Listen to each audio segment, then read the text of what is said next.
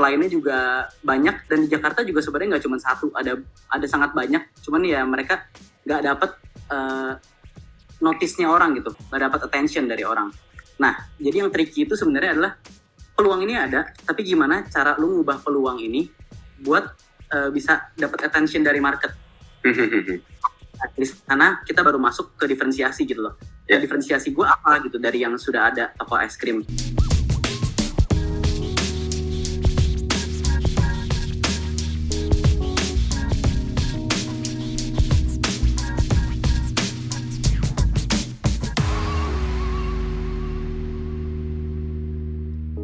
Hai founders, balik lagi bersama kita di Ngobis, ngobrol bisnis by teman startup. So, hari ini kita sudah terhubung nih sama salah seorang, kita bilangnya apa nih, entrepreneur atau founder? Uh, tukang es krim ya? Tukang es krim. Oke, okay, tukang es krim di Bandung. Uh -uh. Tukang es krim di Bandung. Uh, boleh nggak bro, sorry, lo perkenalkan diri dulu, biar mungkin teman-teman bisa tahu, sama sebenarnya lo tukang es krim di mana sih? Oke oke. Perkenalin dulu nama gue Mike dan gue tukang es krim di Bandung, lebih tepatnya di lokasi Pascal dan uh, toko es krim gue namanya Milk and Crumbs. Milk and Crumbs ya? Iya betul. Oke okay, oke. Okay. By the way ini Milk and Crumbs ada dua ya cabangnya bro? Uh, dua ya. Kemarin hmm. Mei kemarin baru buka di PVJ, terus itu kan mall ya. Dan uh, sadly kita harus tutup sementara karena kan uh, ppkm ini ya. Oke, okay, ya benar-benar. Tapi berarti yang satu lagi masih bisa ya? Uh, masih, masih bisa jalan. Oke, okay, oke. Okay. Nah, sebenarnya hari ini kita sih pengen bakal, bakal banyak ngomongin tentang uh, industri ice cream shop nih di kota-kota besar di Indonesia. Dan juga gimana sih kalau kita ngomongin ice cream kan, ya yang gue tahu ya ice cream kan meleleh gitu maksudnya. Jadi kayak mungkin nggak bisa dibawa pulang atau gimana gitu. Nah ini mungkin kita akan ngobrol banyak terkait bagaimana sih Milk and Crumbs bisa uh, apa ya thriving lah di industri atau di eh sorry di posisi ppkm kayak gini. Oke, okay, boleh. Oke, okay, Mike, boleh nggak lo ceritain dulu kayak um, Milk and Crumbs ini tuh sebenarnya uh, gimana sih awalnya lo juga lo baru lulus ya by the way ya baru uh, satu tahun. Satu tahun ya satu tahun belum tahun lulus. Oke, okay. Milk and Crumbs ini udah berapa lama? Terus awalnya gimana sih lo jalanin Milk and Crumbs ini? Terus kayak kenapa sih lo membangun Milk and Crumbs ini pertama kali alasannya? Oke, kita tarik belakang ke awal tahun 2020. Di sana gue kan udah mau menuju lulus tuh, lagi ngerjain tugas akhir. Nah, di sana gue ngelihat bahwa kalau gue lulus ini mau jadi apa gitu loh. Karena gue nggak mau kerja saat itu. Dan gue ngelihat bahwa passion gue itu di F&B awalnya. Dan gue lihat apa yang lagi trending di sekitar gue. Dan saat itu kan gue berdomisili di BSD ya. Dan banyak teman di Jakarta. Dan gue ngelihat bahwa yang lagi trending itu adalah ice cream. Dan ada uh, si pionirnya itu adalah toko es krim yang terkenal lah di Jakarta. mungkin juga pada tahu gitu ya, terutama anak Jaksel mungkin pada ya, tahu tuh. Nah dari sana gue mulai ngulik-ngulik lah, gue belajar es krim sendiri dari awal 2020 sambil nyambil tugas akhir gitu. Nah di sana gue belajar es krim itu otodidak sih, gue mhm. nyari dari internet aja gitu. Mhm. Jadi eh, cari-cari forum yang membahas tentang es krim dan lain-lain. Terus uh, akhirnya juga gue coba through trials and errors. Akhirnya bisa lah bikin es krim walaupun pas pertama kali Milk and Crumbs buka ya itu terhitung tanggal 18 Oktober. Mm-hmm. itu tuh resep es krim gua yang proper tuh baru jadi pertama kali. Dan resep pertama yang proper itu pasti kan butuh adjustment lagi ya? Ya ya. Tapi ya modal nekat aja lah. Kalau lu nggak mulai juga lu nggak tahu error lu apa gitu. Dan gua nggak ada waktu untuk uh, saat itu sayangnya gua nggak ada waktu untuk uh, market uh, research dan validity juga gitu loh. Bahwa es krim gue diterima gak nih? Jadi gue ya udah nekatin aja gitu saat itu. Mm-hmm. Berarti berarti kalau kita tarik mundur lu 2020, lu tuh masih skripsi, terus lu melakukan riset lah ya, riset belajar segala macam, terus juga gue denger-dengar industri ice cream ini bikin ice cream juga nggak semudah itu, bahkan ada beberapa yang gue tahu sampai sekolah di luar negeri dan sebagainya. Terus lu mencoba untuk meracik ini sampai akhirnya lu Oktober itu lu langsung buka store berarti atau gimana bro? Oktober buka store ya waktu itu uh, gua tuh lulus di bulan Agustus. Terus setelah lulus itu gue langsung uh, ke Bandung. Mhm. dan di Bandung itu gue mencari tempat dan eksekusi segalanya di satu setengah bulan lah. Satu setengah bulan ya? satu setengah bulan terus uh, Oktober 18 itulah gue buka uh, toko gue tapi tapi sebelum 18 Oktober, Oktober itu lu pernah nggak memberikan ice cream ini ke orang? Uh, sejujurnya enggak sih. Gue karena karena gue bingung karena ice cream ini kan butuh proses yang on-site gitu sebenarnya. Ya, betul. Dan saat itu belum prepare untuk packaging di mana gue bisa take away dan gue kasih orang coba. Karena Ya. teksturnya pasti akan beda sebenarnya. Mhm. Nah itu uh, trikinya di sana untuk ice cream ini terutama. Dan gue waktu itu cuman, kan gue jual cookies juga. Jadi gue cuman uh, kasih coba orang cookies gue gitu loh. Dan itu pun gue bake di Bandung, gue bawa ke Jakarta, gue tanya orang-orang Jakarta gitu. Jadi udah uh, texture-nya juga udah slightly different dari yang har- seharusnya gitu sebenarnya. Oke. Tapi lo sendiri berarti nggak ada background kayak lo sekolah, let's say sekolah masak atau sekolah baking itu nggak ada ya berarti bakery. enggak sih gue ambil course di YouTube doang sih gue search aja itu es krim how to make how to Nah itu berarti buat temen-temen nih yang masih onepreneurs yang belum mulai-mulai, sebenarnya ilmu di YouTube itu banyak juga ya bro ya. Maksudnya lo banyak banget banyak banget gratis ya. iya selain uh, YouTube Shorts yang TikTok TikTok yang menghibur ya di YouTube Iya. juga banyak ilmu sebenarnya gitu loh Jadi nggak ada alasan kayak oh gue nggak mau mulai karena gue nggak bisa atau harus sekolah dulu. Kayaknya nggak nggak ada alasan itu kali ya. nggak ada alasan untuk itu sih selama lu melakukan uh, pembelajaran dan research yang cukup dalam maka Hmm. lu sebenarnya mampu lah dan coba aja dulu gitu loh bahkan bahkan lo sendiri juga ngerjain waktu lagi skripsi terus lo juga ya modal nekat aja waktu itu dan kalau kita ngomong market research juga nggak nggak ya nggak seproper itulah ya. Maksudnya lo mencoba dan justru pas mencoba lo coba itulah baru lo tahu. Karena kalau lo nggak coba ya lo nggak akan tahu juga gitu. Ya, terus itu kita yang uh, mulai dulu karena lu bisa terima aja. Yang udah mention di awal bahwa bisa dari YouTube dari mana pun Hmm. orang juga bisa dapat ilmu. Oke oke. Nah tapi bro kalau kita ngomongin tadi lo juga sempat mention kayak eh, di Jakarta let's say sudah ada eh, sudah ada lah pionir eh, ice cream yang kita yang kita mungkin orang mungkin cukup tahu ya. Nah tapi sebenarnya menurut lo sendiri nih eh, pasar bisnis ice cream shop itu sekarang di Indonesia, let's say di kota-kota besar lah ya di di Indonesia, let's say Jakarta, Bandung, Surabaya, Medan gitu. Itu tuh gimana sih pasarnya dan sampai lo memutuskan untuk ya udah nggak apa-apa kalau udah ada yang ada, gue tetap mau buka dengan cara gue sendiri dengan perbedaan gue gitu. Kan ada beberapa orang yang kayak kalau udah ada gue udah males nih nggak mau. Tapi apa yang membuat oh industrinya tuh sekarang kayak gini loh yang membuat lo jadi eager untuk memulai ini juga. Eh, bisa dibilang karena tren Indonesia. Kita eh, ada sempit aja ya ini ya eh, nggak seluas itu. Tren di Indonesia itu bisa dibilang dimulai dari Jakarta.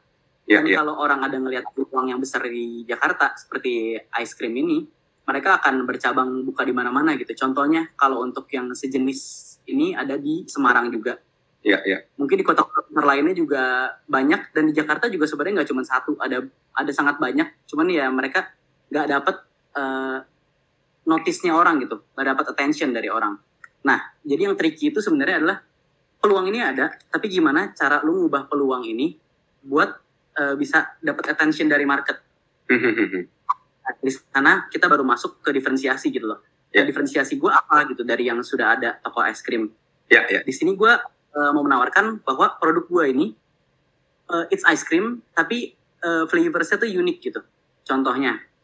Gue uh, sambil belajar kan gue sambil ngeliat kayak baking tuh apa sih gitu. Nah gue Ya. lihat contohnya apple pie gue coba bikin apple pie terus pas gue coba bikin apple pie gue merasa ini kayaknya apple pie bisa deh kita campurin ke es krim terus kita Hmm. bikin krim apple pie gitu. Yang ada uh, flavor yang nggak umum sebenarnya Oke. Tapi saat lu memutuskan untuk menjual suatu flavor yang kurang umum dalam bentuk ice cream gitu ya, itu tuh ada ada kesulitan lainnya. Jadi lu tetap harus cobalah ke market lu, apakah ini fit atau enggak. Tetap coba terus aja gitu loh. Tapi kalau ice cream rasa pecel lele kayak sis kakol gimana bro? Waduh, es krim pecel lele sih abis no ya kayaknya. itu udah nekat ya. Atau Soalnya- ice cream nasi padang ya bro ya, sis kakol ya? Iya, soalnya gue percaya gak percaya sih sama dia beneran bikin kayak gitu. Karena sangat hebat dia bisa bikin es krim yang proper dengan bahan-bahan yang lemaknya tuh lu nggak bisa hitung gitu loh. Karena Iya, es iya, krim itu ternyata di lemaknya, lu harus kontrol gitu. Ber- berarti sebenarnya nggak segampang di video itu ya bikin ice cream ya maksudnya walaupun kayak you bilang kayak apple pie tapi apple pie rasa ketika lu makan apple pie ketika di, eh, dirubah ke es krim itu juga masih banyak penyesuaian ya berarti Eh, iya bener banget, banyak banget penyesuaian. Contohnya ya, kalau Mhm. lu mikir apple pie di dalam es krim, coba lu mikir seutuh-utuhnya apple pie itu dicampurin dalam es krim atau gimana? Kira-kira. menurut men- menurut gue jadi nggak berasa sih bro Jadi bakal aneh kan, gara-gara Iya. si karena lo campur susu lagi gitu bener kulit pie-nya itu bakal ngancurin banget sebenarnya. Makanya gue nge-breakdown nih contohnya. Ini apple pie. Apple pie itu rasanya apple fillingnya sama Mhm. ada crustnya. Ya, Pie ya, crust. Kalau lu terlalu banyak, jadi tawar rasanya. ya Jadi benar. Pie crustnya gue cuma masukin apple pie filling. Terus Oke. untuk rasa crustnya gimana ya? Eh, Oke oke dari biskuit bisa kali ya dari biskuit yang memang udah manis gitu bawaannya. Contohnya lu bisa coba regal atau Mhm. coba biskof gitu. Dan di sini di kita kami menggunakan biskof sih gitu.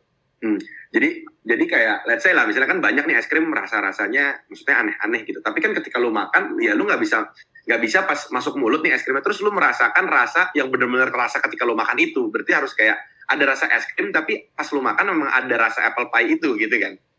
Eh, iya benar. Kurang lebih kita mau eh, kita bakal jamin sih bahwa rasanya bakal keluar gitu apple pie itu. Tapi mungkin intensitinya ada orang expect too high mungkin atau gimana ya? Karena dalam form es krim eh, lu harus expect bahwa dia tetap dapat segernya, tapi Mhm. rasa si yang flavor yang lu mention itu juga cukup berasa gitu loh.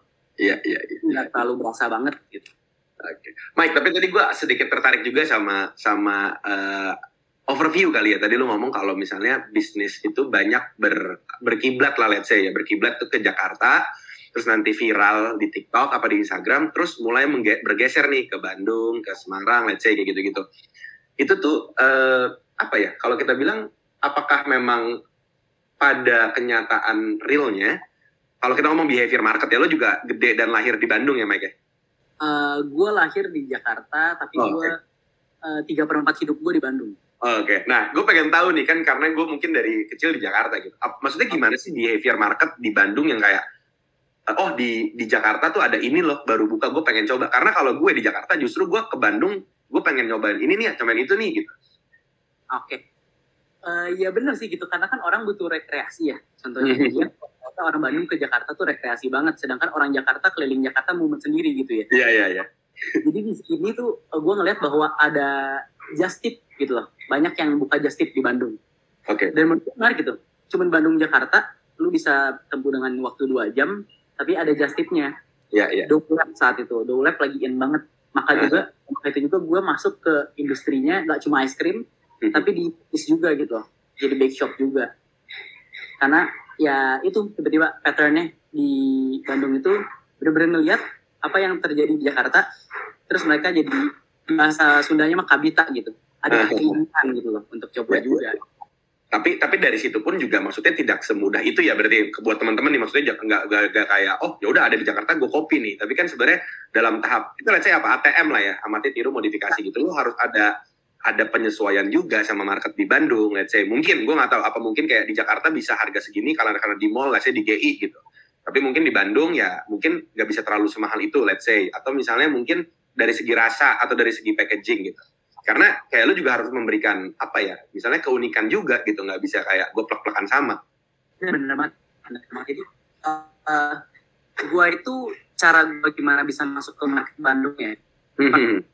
Gue perhatiin bahwa harga ini cukup sensitif di Bandung. Hmm. mungkin bisa dibilang untuk es krim harga segini itu cukup uh, tergolong terlalu mahal. Betul. Gue nggak tahu kalau yang di Jakarta di Jakarta gimana tuh? Maksudnya kemahalan nggak sih yang udah ada tuh sekarang? Atau ya udah it's proper aja segitu gitu? Eh, kayaknya Jakarta tuh juga harus di harus di harus di breakdown deh. Jaksel. Oh, kalau di Jakarta gue nggak tahu ya kalau menurut gue sekarang itu sekitar lima puluh ribu bukan ya yang di Jakarta di Jak Jaksel ya Bener nggak sih? Papan- kayaknya sih empat puluh ribuan ya gua. Empat puluh ribuan ya? Kalau gue gue ngeliatnya sih kayak ya kemahalan sih karena karena gue nggak tahu. Kalau kalau gue yang kayak kita ngomong es krim ya gue nggak tahu. Ini ini gue yang mungkin nggak gue awam gitu. Yang gue tahu ya es krim kalau lu ngomong harga 50 sebenarnya lu lu bisa dapet es krim mall lo bro yang memang merek-merek luar ya. Betul betul. Gitu kalau gue ya. Tapi kan memang ada ada satu apa ya mungkin kita bilangnya tren atau behavior yang kayak kalau gue masuk tuh ke ya lo tahu tuh yang ada di ada di Jaksel gitu. Misalnya kayak ketika gue masuk parkiran gue udah berdiri di depan terus ngantri terus juga kalau gue pernah ke sono kayak pas ngantri tuh yang ngantri lain-lainnya juga ya maksudnya anak-anak Jaksel anak-anak Jakbar yang yang bukan mak-mak gitu. Lihat saya memang anak-anak muda terus kayak datang antar tokonya bagus apa terus kayak pas lo foto tuh ada kepuasan sendiri gitu kalau gue ya. Jadi mungkin lima puluh ribu itu worth it kali buat buat uh, behaviornya ya gue nggak tahu kalau menurut lu gimana Oke, Eh, balik lagi ke ini ya behavior ya. Mhm, Yang tadi kayak eh, orang datang tuh yang dibayar ya bukan cuman es krimnya gitu, tapi kayak karena karena jujur ya, Mike maksudnya kayak gue gue makan ya sebenarnya ya ya es krim gitu loh. Kalau ya mungkin gue bukan penikmat es krim gitu, tapi kayak ya udah. Tapi memang ada kepuasan ketika lu sudah pernah nyoba apa yang orang upload gitu. Itu kalau gue. Iya benar benar benar. Jadi memang pada dasarnya banyak followers gitu di Iya, iya. Sekarang ya di Indonesia gitu. Ada tren apa pasti diikutin gitu loh. Ya ya. Dan memang eh, jadi nggak cuman produknya juga yang lu jual, tapi lu jual juga vibes-nya Mhm. dan juga gimana mereka bisa mengikuti bahwa mereka udah trendy nih dengan mengikuti tren yang ada gitu loh. Ya ya. Benar benar benar. In other words ya, tapi gue nggak suka kata-kata ini sih sebenarnya sih. Ya viral marketing lah intinya. Nah, bikin kita penetrate ke market sekarang tuh ya lu harus viral gitu pada dasarnya. Iya iya iya. Karena kayak ketika gue gue gue sesimpel ini deh. Eh, let's say kayak kemarin gue sempat ke Bali. Terus eh, gue tuh ngelewatin Canggu. Terus kayak gue tuh nggak nggak pernah tahu gitu kayak ada ada restoran apa atau ada kafe apa di Canggu gitu. Tapi pas gue nengok terus ada salah satu let's say ya kafe atau apa yang sering banget diupload sama temen-temen gue. Gue jadi kayak oh ini tuh yang sering diupload. Terus ada keinginan gue untuk nyoba gitu. Eh, bener sih, jadi memang basically sekarang ya lu harus bisa masuk sosmed, Mhm. sosmed orang. Gimana pun caranya gitu loh. Nah makanya gue juga salah satu diferensiasinya juga eh, bentuk es krim gue tuh memang unik. Jadi gue agak bikin muncung, terus gue kasih topping-topping lainnya jadi kelihatan menggiurkan lah bagi orang dan orang pun jadi ih lucu ya mau foto deh kayak gitu.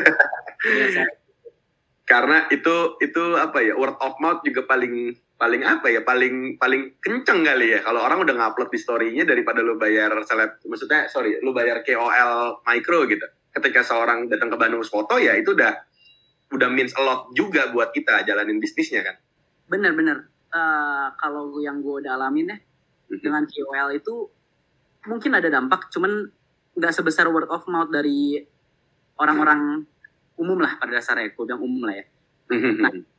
Gue juga sempet coba ads dan lain-lain, tapi sekarang tuh kayaknya udah terlalu noisy gitu. ya ya benar Ads tuh orang udah eh, nggak peduli.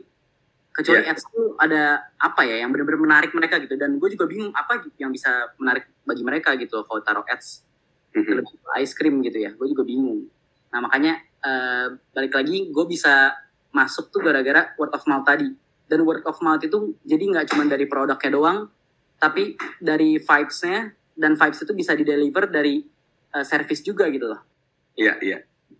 Jadi ya kalau kita ngomong ya semata-mata, maksudnya Milk and Craft bukan semata-mata menjual es krim juga gitu, tapi menjual vibes itu juga, service juga ya bro.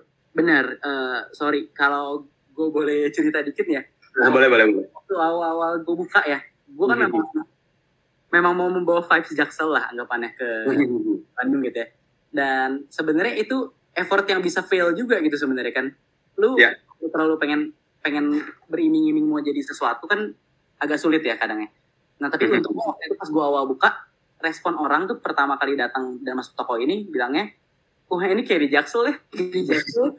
Jadi memang mereka nyari sesuatu yang mereka biasa lihat di story orang gitu loh. Story-story Ya, ya. orang, Jaksel dan lain-lain gitu loh. Dan pas mereka datang ke toko gue, mereka merasa bahwa ada Jaksel nih di Bandung gitu, ibaratnya. Ya. Ini vibes itu sangat penting sih. Dan Jadi, bicara oke, vibes, sorry, bro.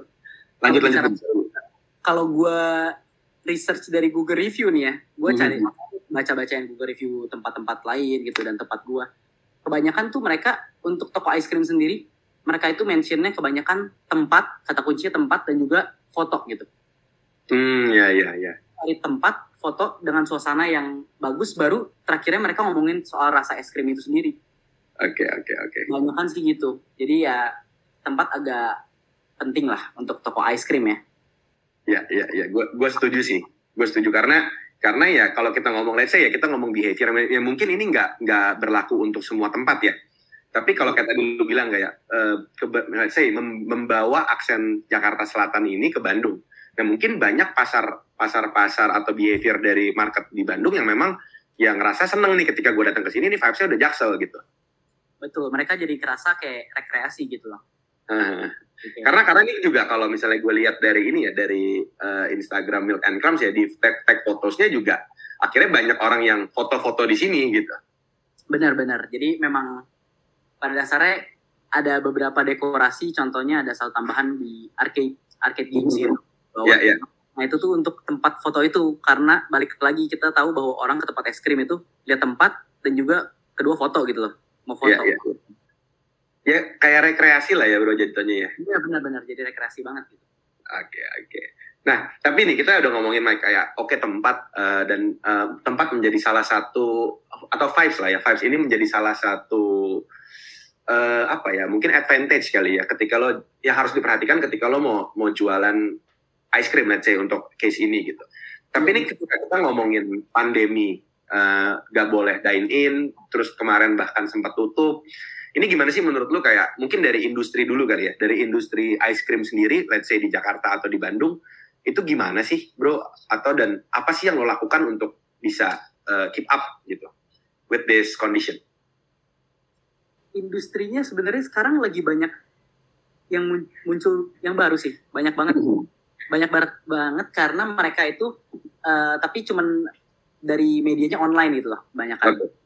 Dan sedangkan kalau lu di media online kalau lu nggak kuat buat kirimin ke KOL tadi mungkin lu bakal terbenam akan agak cukup cepat gitu. Karena kan Oke. tadi pertumbuhannya cukup tinggi ya. Nah Hmm. sehingga gue ngeliat bahwa memang kalau lu mau survive di industri ini dan lu pengen sustainability, antara satu nih, lu bikin produk yang remarkably great yang orang gak bakal lupa, Ya. which is hard gitu lah. Which is hard kalau lu kayak gua, Iya iya belajar dari internet doang gitu loh. Gua nggak basic yang mendalam bangetnya itu, gue susah susah buat dapetinnya gitu. Jadi kalau kayak gua gini yang ilmunya mungkin tidak sebaik orang-orang yang benar-benar mendalami ice cream, itu gua melihat bahwa kalau mau sustain ya harus punya tempat gitu. Dan tempat itu yang punya vibes sesuai dengan apa yang market mau sebenarnya gitu. Oke. Tapi ya eh, berarti kalau memang lu, let's say ya tadi kayak lu sempat ngomong kalau ekspor itu kan kayak mungkin ya bener-bener kayak gue nggak ngerti misalnya kayak gelato yang bener-bener lu paham banget pakai bahan-bahan yang premium dan sebagainya eh, itu beda pasar kali ya. Tapi kalau kita ngomong pasar kayak eh, pasar mungkin orang yang makan es krimnya sebenarnya bukan penikmat es krim banget gitu, tapi kayak memang gue mau suka aja mencoba rasa-rasa baru gitu. Ini ada different thing yang kayak memang lu membutuhkan tempat itu gitu ya. Betul betul banget betul banget dan itu sebenarnya salah satu cara penetrasi sih. Maksudnya kayak gue butuh tempat buat penetrasi dan untuk sustainnya balik lagi memang eh, back to your product juga sih sebenarnya. Cuman tempat itu kayak ada elongation buat lu sustain lah. Ada Ya. faktor yang bikin lu sustain. Tapi balik lagi ya produk juga. eh gue juga mau sih maksudnya kayak jualan kayak yang gelato-gelato yang hits gitu. Kayak maksudnya kayak wah we use eh, vanilla bean from bla bla bla bla gitu loh. Iya iya. Anu, gitu. Tapi untuk sekarang gue nggak highlight eh, eh, bahan gue karena gue untuk sekarang eh, strategi gue untuk sustain adalah gue pakai vibes dan juga eh, desain-desain lah menurut gue desain tuh sangat penting sih sekarang karena orang begitu terima dan lihat lucu mereka pas makan juga jadi kayak seneng gitu jadi jadi makin enak ya bro ya. iya benar gitu Tapi nih kalau kalau boleh kalau boleh lu share nih, misalnya ada orang yang sekarang mendengar terus tertarik untuk untuk apa ya? Mungkin untuk mencoba untuk memulai seperti ini Eh, dengan strategi yang let's say memang pakai tempat gitu. Kira-kira kalau menurut lu nih Mike, berapa sih budget yang proper untuk membuat suatu ice cream tempat ice cream ice cream shop yang proper deh dan ini bisa jadi tempat foto-foto atau tempat orang pengen datang gitu. Dianggap berapa sih Mike? Oke. Mungkin balik eh, bisa di breakdown gini nih. Jadi lu ada bikin tempat, ada Hmm. bikin buat produksi gitu loh. Ya ya.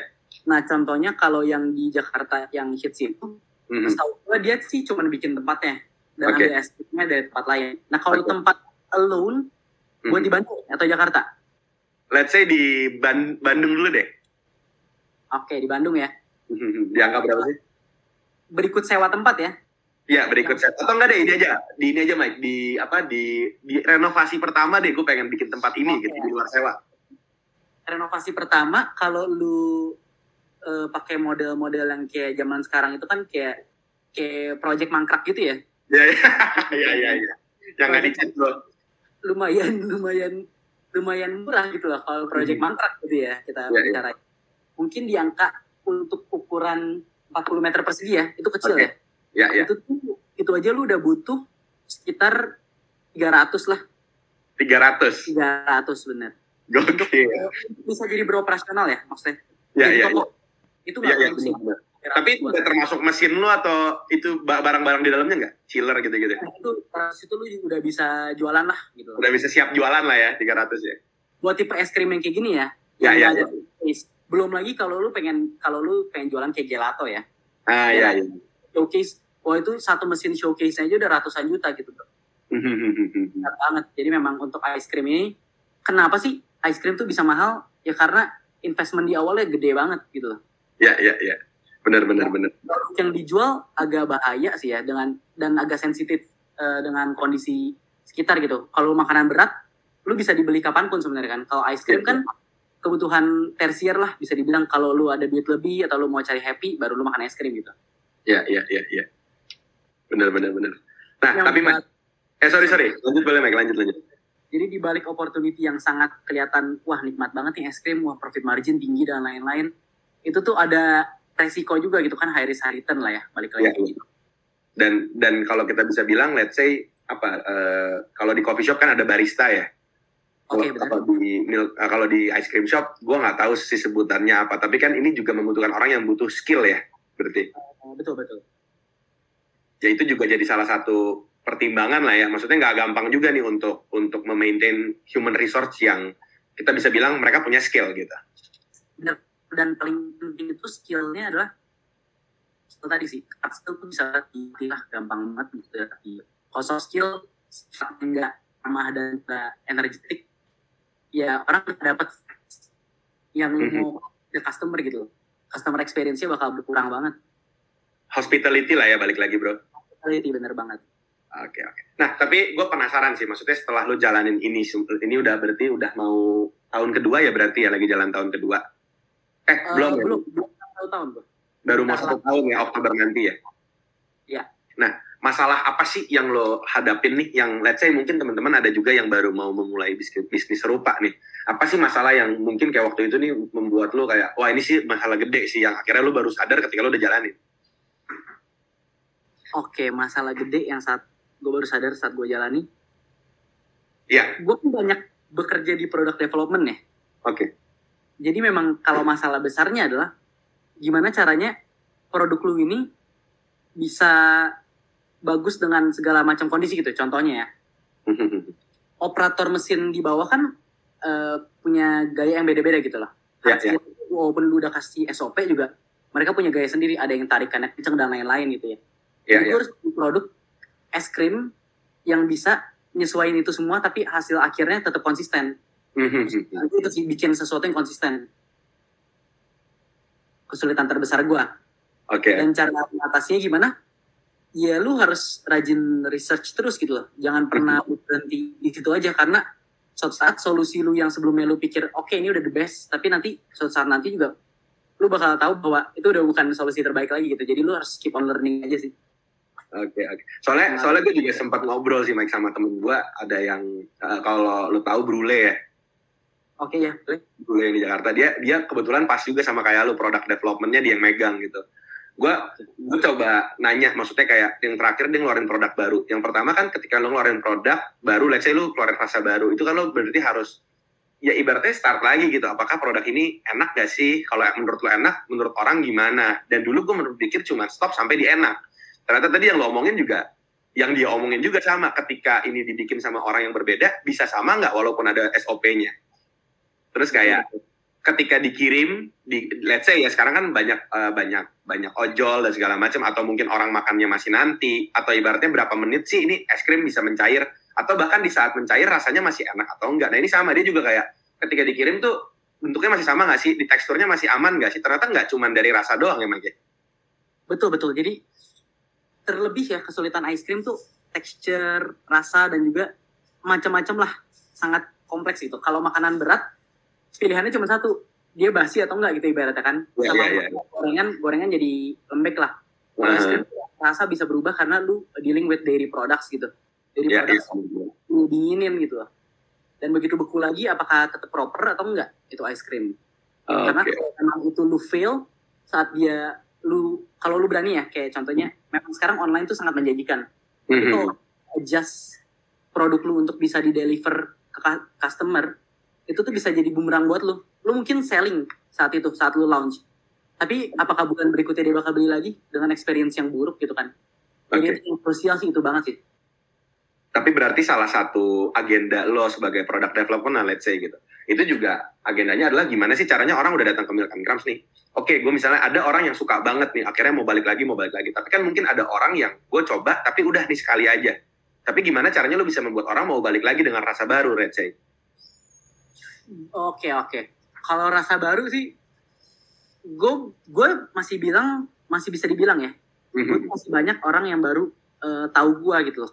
Oke, Sebenarnya oke. Masih banyak yang masih banyak gitu karena gue belum genap setahun dan gue juga ngedengerin dari yang eh, foundernya Sour Sally gitu ya. Dia Mhm. juga bilang gitu bahwa tahun pertama dia inovasi eh, banyak gitu dan sering tapi marketnya nggak respons gitu.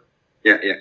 dan alasannya kenapa karena mungkin marketnya juga baru mau tahu yang basicnya gimana sih uh, crumbs, uh, contohnya kan jadi waktu itu gue memang awal-awal tiga bulan pertama gue rajin banget keluarin menu baru tuh bisa tiga per bulan Mhm. Bisa per bulan tapi ya balik lagi ego lu untuk bikin menu baru itu bisa diterima sama market gak?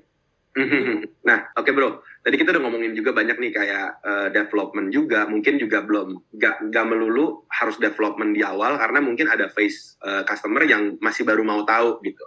Karena ketika lo keluarin produk baru itu juga menjadi tantangan baru nih ketika lo bikin pasti lo ada R&D udah pasti keluar cost. Terus lo promo lagi dan belum tentu itu eh, sebagus atau seperti ekspektasi orang orang dan orang udah bisa nerima apa belum gitu ya bro.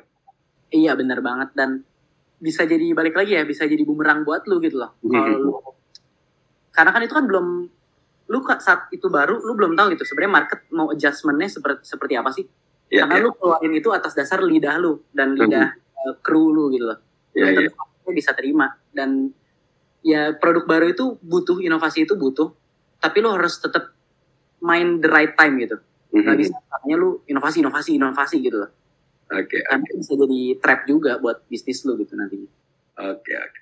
Nah, bro, tapi kan di saat pandemi ini kalau gue lihat juga di eh, Instagram Milk and Crumbs nih ada produk baru ya, atau gue nggak tahu apakah ini sudah lama, tapi ada produk take home pack ya. iya betul Nah, eh, ada ice cream jar juga. Nah, ini lo boleh cerita nggak kayak ini apakah ini salah satu strategi yang memang karena ppkm kemarin ya bener-bener nggak boleh dine in, jadi atau gimana dan it- it- is it work, is it working bro gitu? Oke, untuk yang take home pack ya, Mhm. mungkin uh, backstory-nya dulu ya. Ya, ya boleh boleh. Gue ngeliat bahwa saat itu ya, mungkin awal di Juni lah, di bulan Juni, gue ngeliat bahwa memang udah angka COVID itu udah naik gitu. Jadi maksudnya kalau kita punya usaha juga kita harus pantau uh, Mhm. situasi sekitar kita kan. Ya. Angka COVID udah naik, di India udah gelombang dua, nggak lama lagi pasti Indonesia nyusul ini mah, udah pasti. Gitu. Nah, di sana pas banget kakak gue lagi iseng doang tuh, uh, kakak gue yang perempuan nyari Mhm. uh, packaging gimana yang lucu deh gue mau bikin yang lucu gitu buat nanti lah kita launch kapan kapan kali lah gitu ya Ya, ya. dan beruntungnya saat kita prepare untuk uh, take home pack itu uh, pas banget udah mendekati ppkm saat itu jadi pas kita launching bisa bertepatan dengan masa-masa ppkm Mhm. Gitu. jadi memang mungkin lu bisa punya knowledge dan lain-lain tapi lu juga perlu keberuntungan juga sih untuk bisa dapat solusi terhadap suatu masalah gitu ya kadang-kadang Karena timing juga tepat, eh, harus tepat ya bro ya. Bener, bener, bener banget. Dan timing itu bisa jadi kalau lu punya knowledge dan udah punya pengalaman banyak gitu ya. Sedangkan gue masih belum satu tahun gitu loh. Berjagung lah gue. Iya. Nah di sana eh, untung banget timingnya tepat dan memang kita udah prepare untungnya gitu loh. Sedangkan kalau lu memang kalau saat itu di Juni belum kepikiran itu, mungkin di ppkm ini gue bakal kelabakan sih. Iya, iya bener-bener. Gitu, ice cream lu mau jualannya gimana sih? Oke, let's say lu punya take take away package, eh take away packaging yang bisa take away gitu. Tapi kalau itu nggak attracts marketnya, ya ya gimana ya? It's just milk and crumb tapi gue take away gitu. It's nothing new gitu loh. Sedangkan orang tetap balik lagi, they need something new tapi that something new itu harus menjawab kebutuhan mereka gitu loh. Oke, oke, iya, iya. Gak bisa cuma ya udah es krim gitu. Bener banget, bener banget. Dan kalau mungkin kalau pertanyaannya uh, is is it working gitu? It's working sih. Oke. For now it's working karena memang dampak ppkm ini lumayan luar biasa. Dan kita itu efeknya lumayan besar lah, lebih dari setengah kita hilangnya. Hmm, apalagi maksudnya kalau F&B, F&B ya memang lo harus ya mungkin nggak cuma F&B kali ya, tapi kayak semua bisnis ya tadi benar lo bilang gitu, ketika lo harus aware juga sama kondisi uh, ke kondisi itu benar-benar semua berarti kayak tadi lo sempat ngomong COVID dan sebagainya gitu. Sama ya gimana sih lo nggak bisa menghilangkan uh, dampak tersebut, tapi gimana cara lo meminimalisirnya? Benar benar, karena ya lo pasti tetap hancur gitu, tapi minimal lu nggak hancur lebur lah hancur aja lah minimal gitu. Karena nih kalau gue lihat juga lu ngupload di uh, Instagram ya. Ini berarti take home pack tuh di, di upload pertama tanggal 4 Juli, terus 5 Juli di launching. Terus kalau gue lihat juga tanggal 5 Juli udah di upload sama orang gitu. Jadi iya. sebenarnya kalau ngomong tanggal 5 Juli ya itu kan awal-awal mau PPKM 2 ya? Iya, PPKM. Jadi sempat di Bandung sendiri udah ada early PPKM Oh ya ada ya. Dua minggu pertama ya, dua minggu pertama itu dari akhir Juni sampai awal hmm. Juni. Baru awal Juli itu kan yang uh, Jawa Bali ya ppkm. Iya ya, benar benar benar benar. Jadi timingnya tepat banget sih. Jadi orang saat lagi lagi ya banyak di rumah gitu, gue keluarin produk yang memang bisa dibelinya di reach through online gitu. Karena kalau tanggal 5 itu lo baru, let's say lo baru kepikiran aja, berarti lo harus R&D lagi gitu. Atau kalau ya. udah R&D lo baru masih foto produk dulu gitu. Benar-benar udah nggak keburu sih itu, udah ketinggalan ya, ya. pasti. Nanti lu begitu udah pengen PPKM beres, ya orang udah prepare buat jalan-jalan lah gitu ibaratnya uang mereka. Iya, ya terus Dan akhirnya yang lo riset jadi nggak kepake ya. Bener-bener jadi sia-sia dan dan apa yang gue riset dan nggak kepake itu banyak juga sih. Jadi lu maksudnya kalau lu punya usaha memang lu harus riset dan lu punya high hope bahwa hasilnya itu bakal uh, sesuai gitu tapi kadang juga kondisi bisa nampar lu sekeras ini sehingga hmm. lu harus punya plan B juga gitu loh Oke, okay, jadi ya lu harus siap lah dengan segala kondisi yang ada lah. Bener banget. Sebenarnya gue juga ada plan buat bulan Juli ini tuh beda gitu. Sebenarnya bukan take home pack, tapi pas Juni pertengahan itu berubah tiba-tiba. Karena kita ngelihat bahwa ini pasti PPKM gitu. Dan, dan lu harus siap dengan perubahan itu ya bro? Bener banget harus siap. Kalau lu nggak siap, ya ya digulung aja lu udah.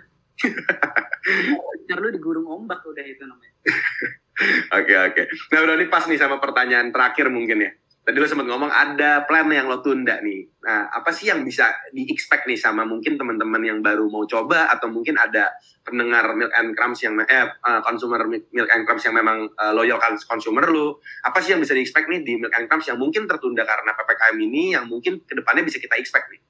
Expect ya mungkin uh, founders dan juga teman-teman lainnya yang di Bandung khususnya.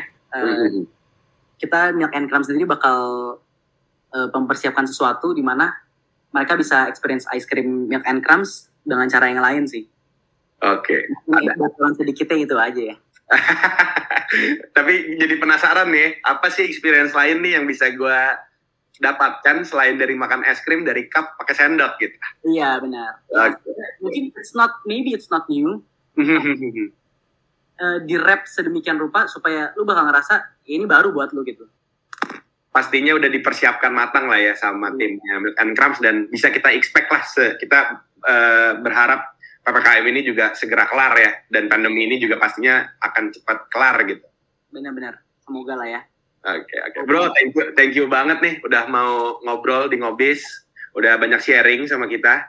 Dan mungkin kalau gue pengen tanya kalau misalnya teman-teman nih masih ada yang pengen tahu tentang Milk and Crumbs tuh bisa cek di mana sih bro?